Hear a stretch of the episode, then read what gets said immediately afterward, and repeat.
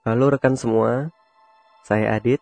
Di episode kedua podcast horormu kali ini, saya akan bercerita kisah nyata pengalaman pribadi saya sendiri yang terjadi kira-kira satu tahun yang lalu.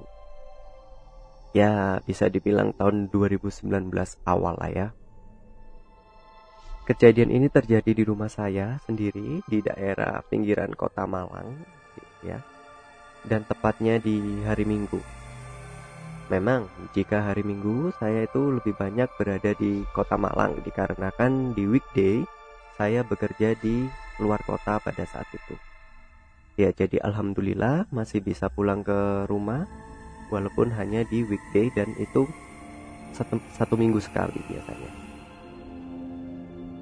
Ya, seperti halnya rekan-rekan semua yang pengen santai di hari Minggu gitu ya. Pengen menikmati hidup sejenak gitulah ya. Karena di weekday kan biasanya kita kerja kita banyak tuntutan pekerjaan yang membuat kita itu bisa dibilang sedikit stres bisa gitu ya. Oke saya santai di rumah itu memang pada hari minggu pada saat itu tuh saya tidak membuat jadwal apa pun. Jadi saya tidak membuat agenda ke mana-mana. Jadi saya pengennya hari minggu itu stay di rumah santai di rumah Saking santainya saya sampai mandi itu sekitar jam 11 siang waktu itu. Oke, saya jelaskan sedikit agar rekan-rekan tahu gambaran rumah saya. Jadi rumah saya itu berada di pinggiran kota Malang gitu ya, bukan di tengah-tengah kota. Kenapa di pinggiran kota Malang? Karena kalau misalkan rekan-rekan ke arah utara dari rumah saya itu sudah masuk Kabupaten Malang gitu ya. Jadi memang suasananya sepi, tidak begitu ramai, jauh dari hilir mudik mobil dan motor gitu ya. Jadi tenang, sedikit tenang lah. Singkat cerita, setelah saya e, beres bersih-bersih rumah, saya melihat sesuatu yang aneh tuh di pojokan ruang tamu saya. Jadi ruang tamu saya itu berada di depan. Jadi rumah saya ini bisa dibilang letter L gitu ya, letter L. Jadi di ruang paling depan itu adalah ruang tamu dan juga ada dua kamar tidur. Tapi ada sekat satu pintu yang bisa ditutup untuk jika ada tamu datang, pintu itu bisa ditutup agar tidak terlihat ke ruang keluarga.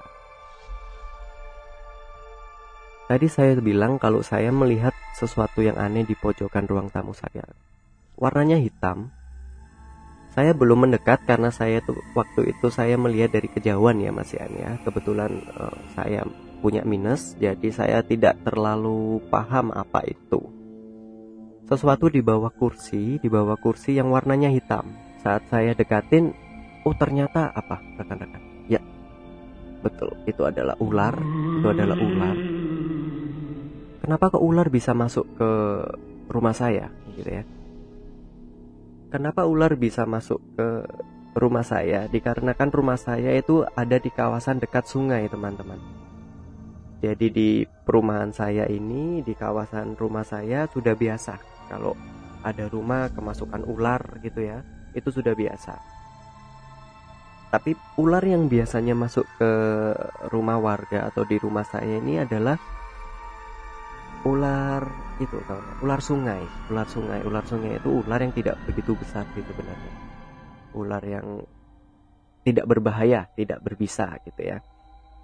Jadi biasanya kalau saya beberapa kali memang sempat menemui ada ular gitu ya bisa langsung saya usir gitu ya. Bisa langsung saya usir keluar dengan sapu biasanya teman-teman Ular yang melingkar di bawah kursi saya itu ya saya kira adalah ular yang biasanya mampir di rumah-rumah sekitaran rumah saya yaitu ular sungai. Jadi tanpa pikir panjang, saya lalu menutup sekat yang tadi saya bilang antara ruang tamu dengan ruang keluarga itu ada pintu yang bisa disekat, yang bisa ditutup agar supaya ular ular itu takutnya nanti kalau kabur nggak sampai ke dalam rumah ruang keluarga. Saat saya mengambil sapu, ingin mengusirnya keluar, ya, ular itu naik dan bisa dipastikan dari gelagatnya, dari perilakunya itu adalah ular kobra, teman-teman.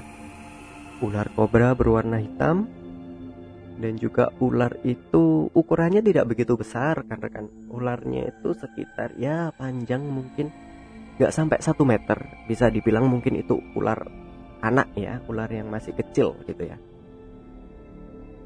Tapi bisa saya pastikan ular itu bukan ular king cobra. Karena apa? Warnanya hitam hitam pekat sekali teman-teman. Dan saat saya eh, menyodorkan sapu dia berbunyi kayak ular kobra itu biasanya bunyinya kayak gitu teman-teman. Itu ciri dari ular kobra kalau lagi agresif ya kalau lagi marah gitu ya karena saya bisa memastikan itu bukan ular king cobra. Jadi ular itu ada kemungkinan bisa menyemburkan bi menyemburkan bisa. Jadi dia bisa menyemburkan racun. Kalau ular king cobra kan nggak bisa menyemburkan ulu bisanya gitu ya. Tapi kalau kobra biasa dia bisa menyemburkan racun ke mata lawannya. Nah, itu saya yang tahu. Karena saya sering karena saya pecinta channel YouTube tentang hewan gitu ya. Jadi saya paling tidak tahu tentang pengetahuan itu. Ya, setelah saya menutup skat atau pintu yang menghubungkan ruang tamu dengan ruang keluarga, Kemudian saya mengambil sapu tadi, lalu kemudian saya mengambil helm. Kenapa saya mengambil helm? Ya, karena itu tadi, saya tahu kalau ular itu bisa menyemburkan racunnya, jadi paling tidak saya antisipasi. Itu. Setelah saya memakai helm itu, kemudian ular itu lari, teman-teman. Ular itu lari ke pojokan ruang tamu. Kebetulan di pojok ruang tamu itu ada rak souvenir kak souvenir yang biasanya kalau kita pergi ke acara nikahan rekan-rekan kita kemudian kita dikasih souvenir nah kalau di rumah saya itu ibu saya terbiasa untuk mengumpulkan souvenir tersebut jadi souvenirnya tidak dibuka tidak digunakan untuk pajangan untuk hiasan di rumah saya dan diletakkan di rak souvenir di pojok ruang tamu tersebut ular itu kemudian menggeliat bisa dibilang lari lah lari ke bawah rak souvenir itu. Tanpa pikir panjang, saya kemudian menyodorkan sapu, saya berusaha untuk mengusir ular tersebut, saya giring dia untuk keluar.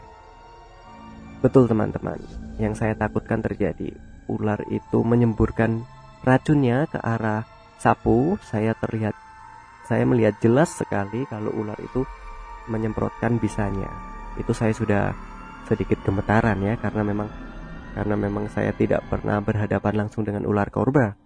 Dan saat itu kondisi di rumah sepi, hanya saya saja. Orang tua saya pergi, kakak saya tidak ada di rumah. Jadi memang benar-benar saya sendiri di rumah itu.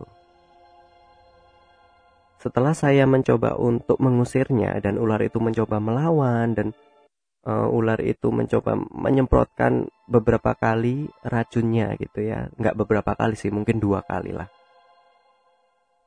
Lalu kemudian saya tetap berusaha untuk mengusir ular tersebut. Ular tersebut itu eh, masih berada di pojok ruang tamu di bawah rak souvenir itu. Jadi kira-kira kalau ular itu kabur lagi saya masih bisa lihat lah. Karena itu benar-benar literally ada di depan saya.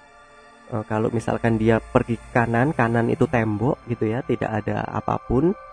Kalau ke kiri juga pasti juga kelihatan karena memang ukurannya tidak terlalu kecil juga.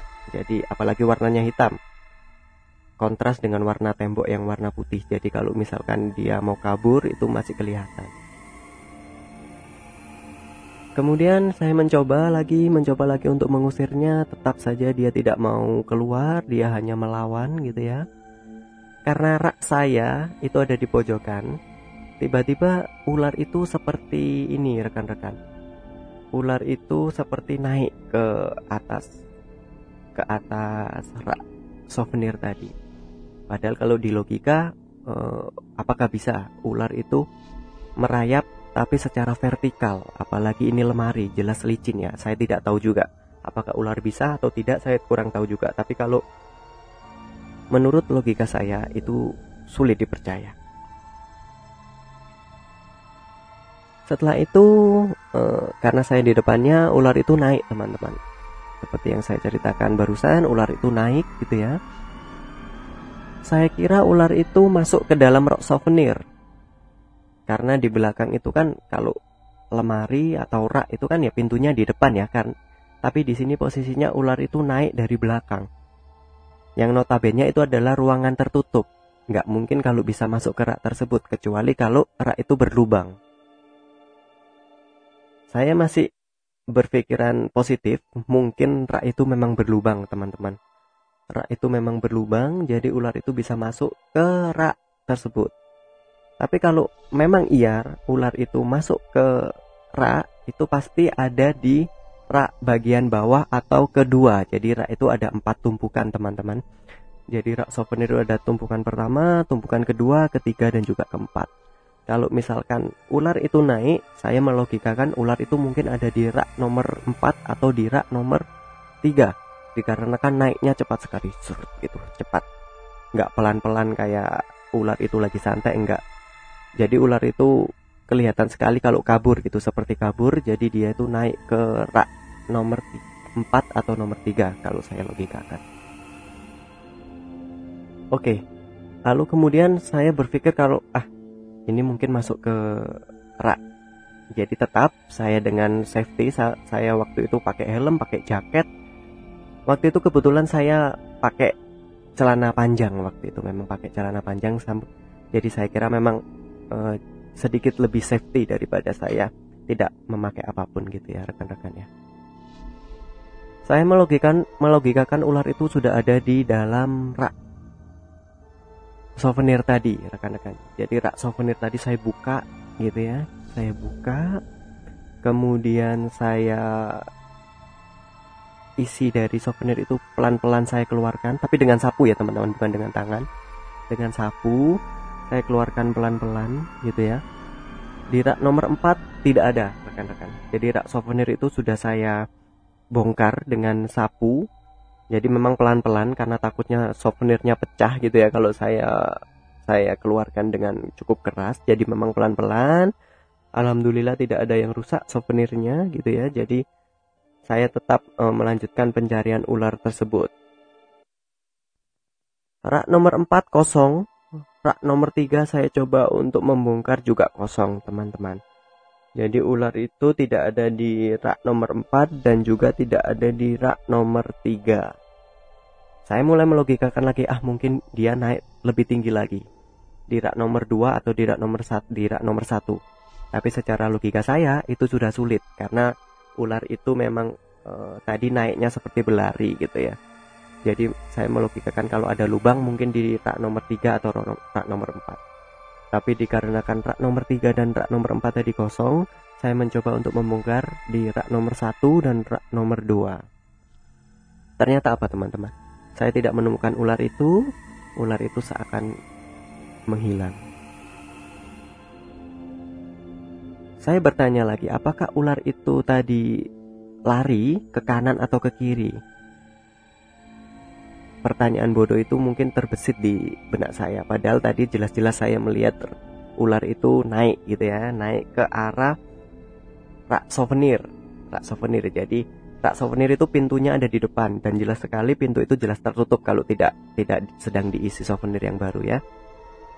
Dan seperti rak-rak pada umumnya di belakang itu ya tertutup itu rekan-rekan tertutup tidak ada pintu kalau misalkan ular itu naik mungkin ada lubang di situ yang memungkinkan memungkinkan ular itu bisa masuk. Tapi ini tidak. Rak itu saya coba e, miringkan. Apakah saya cek lagi apakah memang ada lubang? Ternyata tidak. Jadi rak itu masih bagus masih masih apa ya layak pakai banget lah. Nggak ada lubang nggak ada cacat di rak tersebut. Saya mulai bertanya-tanya ke mana ular ini kalau dia kabur ke kanan, itu tembok. Jelas saya pasti melihat. Kalau dia kabur ke kiri, pasti juga saya melihat rekan-rekan karena kontras sekali dengan warna tembok ya. Secepat-cepatnya ular menggeliat, saat itu fokus saya ya ke ular itu nggak ke mana-mana. Kalau kalau ular itu pergi ke mana pun saya pasti lihat. Tapi saat itu saya yakin, saya pastikan kalau ular itu naik ke arah rak souvenir. Tapi saat saya periksa rak souvenirnya, souvenirnya saya keluarkan semua sampai ya sedikit berantakan lah di depan rak souvenir karena saya mengeluarkannya dengan dengan sapu gitu ya dengan sapu untuk rak nomor 2 dengan nomor nomor satu saya tidak mengeluarkan souvenirnya banyak karena memang rak itu cukup tinggi ya teman-teman ya jadi kalau misalkan rak nomor satu sama rak nomor 2 isinya saya keluarkan dengan sapu itu takutnya jatuh dan jatuh ta saya takutnya pecah gitu ya souvenirnya bisa dipastikan di rak souvenir itu tidak ada ular, tidak ada ular yang bersembunyi. Saya mulai bertanya-tanya lagi, mana ular ini? Mana dia pergi gitu ya? Karena di depan saya itu ada tetangga saat itu sedang tetangga saya itu sedang nyapu lah ya. Saya memanggil tetangga saya.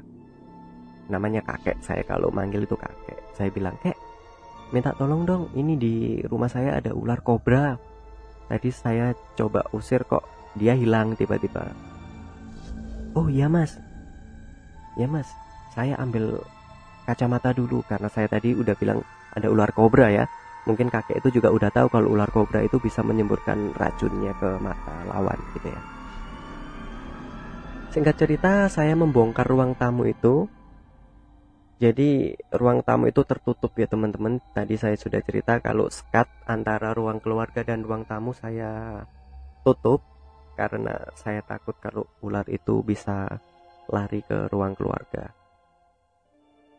Semua akses saya tutup kecuali ruang depan, ruang depan yang ruang masuk ruang tamu maksud saya yang berhadapan langsung dengan uh, luar rumah.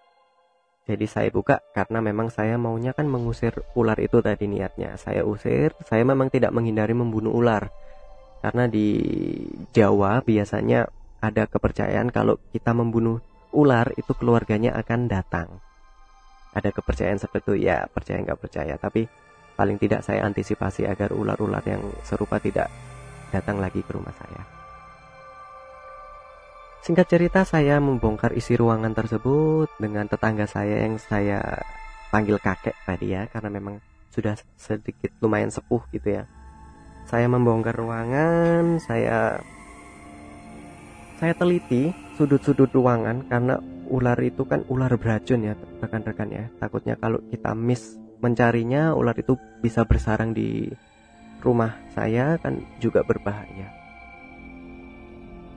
Kakek membongkar di sudut kiri, saya membongkar di sudut kanan. Tetap saja, setelah kira-kira satu setengah jam saya mencari dengan kakek, ular itu tetap tidak ditemukan seakan-akan menghilang, gitu ya teman-teman. Tapi saat ular itu, misalkan ular itu keluar, pasti saya juga lihat. Karena posisi ruang tamu saya tidak begitu luas, jadi kalau misalkan kodok saja biasa, biasa saya lihat teman-teman jadi kodok sekecil kodok aja sudah bisa lihat. Apalagi ular dengan panjang kira-kira uh, ya mungkin 50 cm berwarna hitam dan apalagi itu diameternya tidak begitu kecil. Diameternya mungkin ya tidak begitu kecil lah. Jadi saya pasti melihat pergerakan ular itu kalau mau ke mana-mana. Tapi ini menghilang rekan-rekan. Ini menghilang seakan-akan oh, tidak ada.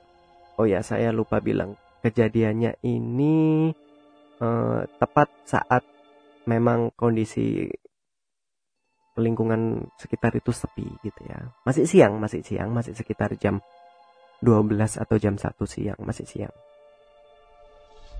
Saya ceritakan kronologinya kepada kakek, kakek juga bingung kok bisa nggak ada.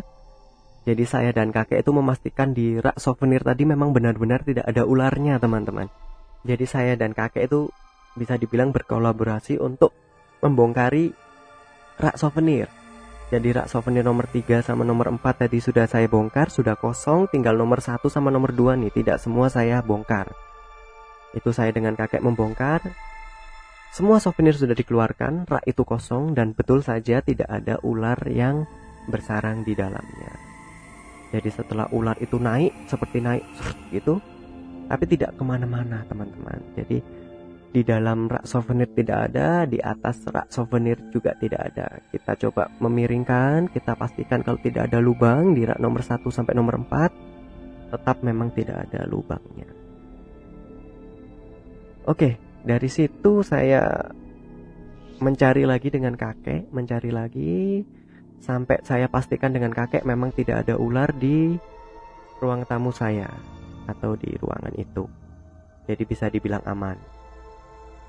Tapi menurut logika saya, kalau ular itu saya belum lihat keluar, berarti dia masih berada di dalam rumah. At least saya parno jelas. Apalagi itu ular berbisa. Kalau tidak diketemukan, dia bersarang, dia bersarang, dia bisa saja menggigit atau mematuk salah satu dari penghuni rumah dan itu bisa berakibat fatal kalau tidak ditangani secepat mungkin. Kira-kira saya hampir dua jam me mencari dengan kakek setelah saya membongkar lagi isi rak souvenir tadi ya. Saya coba cari lagi di selempitan-selempitan di pojokan-pojokan dari berkakas-berkakas yang ada di ruangan tamu itu tetap tidak ada. Lalu tiba-tiba kakek itu menyimpulkan, Apakah ular siluman? Secara logika saya pikir apakah bisa men, uh, seorang goib gitu ya menampakkan diri di siang hari apalagi ini berwujud ular gitu. Saya mulai percaya dengan uh, apa yang dicelutukan kakek tadi karena memang saya mengira ke mana ular itu. Ular itu tidak keluar. Ular itu saya pastikan belum keluar dari ruangan saya ular itu naik ke rak souvenir, rak souvenir tapi hilang dia. Ya singkat cerita saya bermodalkan bismillah saja. Semoga tidak terjadi apa-apa. Saya berdoa kalau misalkan ular ini masih ada di dalam ruangan Tampakkan agar saya bisa usir Atau ular ini keluar dengan sendirinya. Karena itu tadi ya teman-teman eh, Rumah saya dekat sungai Jadi banyak kemungkinan, besar kemungkinan kalau rumah-rumah di perumahan ini akan dikunjungi oleh seekor ular. Tapi ular itu biasanya memang ular sungai, ular yang tidak berbisa dan kecil gitu ya, dan tidak berbahaya.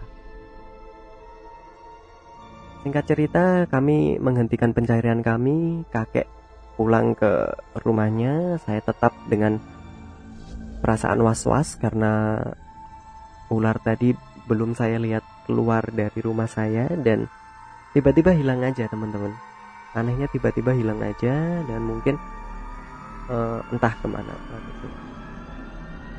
Karena mengingat celutukan kakek yang bilang ular siluman kali mas. Itu saya langsung searching di internet. Karena memang saya ini tipe orang yang pengen tahu segala sesuatu. Kalau misalkan saya bertanya-tanya saya langsung buka Google, saya buka internet, saya cari apakah memang betul ada kolerasi dengan hilangnya ular itu dengan hal goib yang sudah dicelutukan kakek tadi. Saat saya cari di internet, ternyata saya menemukan artikel mengenai memang kalau ada ular kobra hitam pekat yang masuk ke dalam ruangan itu berarti adalah jin jahat. Jin jahat yang berusaha melukai, bukan melukai ya, apa ya, berusaha menggoda si tuan rumah tersebut. Nah, saat itu karena posisi saya itu adalah sendirian di rumah, saya langsung berpikir, wah ini saya ini yang digoda ini. Dari situ pikiran saya mengenai jin tadi sudah mulai masuk, sudah mulai mulai percaya saya, iya ya, apa itu memang jin ya? Karena apa? Ular itu tidak saya lihat keluar, saya lihat dengan pasti saya bisa meyakinkan kalau ular itu naik ke rak souvenir tapi di dalam rak souvenir itu tidak ada dan di ruang tamu di sudut-sudut ruangan juga tidak ada seakan-akan menghilang gitu ya rekan-rekannya. Setelah saya mencari di internet saya browsing-browsing saya cari uh, informasi mengenai ular tersebut jadi di internet itu tadi saya katakan bisa berupa jin yang mau menggoda si tuan rumah. Yang saya lebih parno lagi ternyata jin itu adalah jin jahat karena dia menyerupai ular kobra berwarna hitam yang bisa saja melukai uh, melukai tuan rumah atau orang yang ada di dalam rumah saya. Dari situ ya sudah mulai sore perasaan saya sudah mulai tenang karena saya sudah capek tadi ya mencari ular tadi mencari ular tersebut tidak ketemu. Lalu kemudian saya juga uh, ada perasaan parno gitu ya ada perasaan takut wah ular ini jangan-jangan sembunyi nih kalau ular ini sembunyi bisa bahaya juga. Singkat cerita empat hari empat hari saya itu uh, hidup dalam ketakutan gitu ya hidup dalam ketakutan. Kenapa? Karena saya masih memikirkan kalau misalkan saya masih melogika kalau misalkan ular itu ada di rumah ini berbahaya. Saya saat itu malam orang tua saya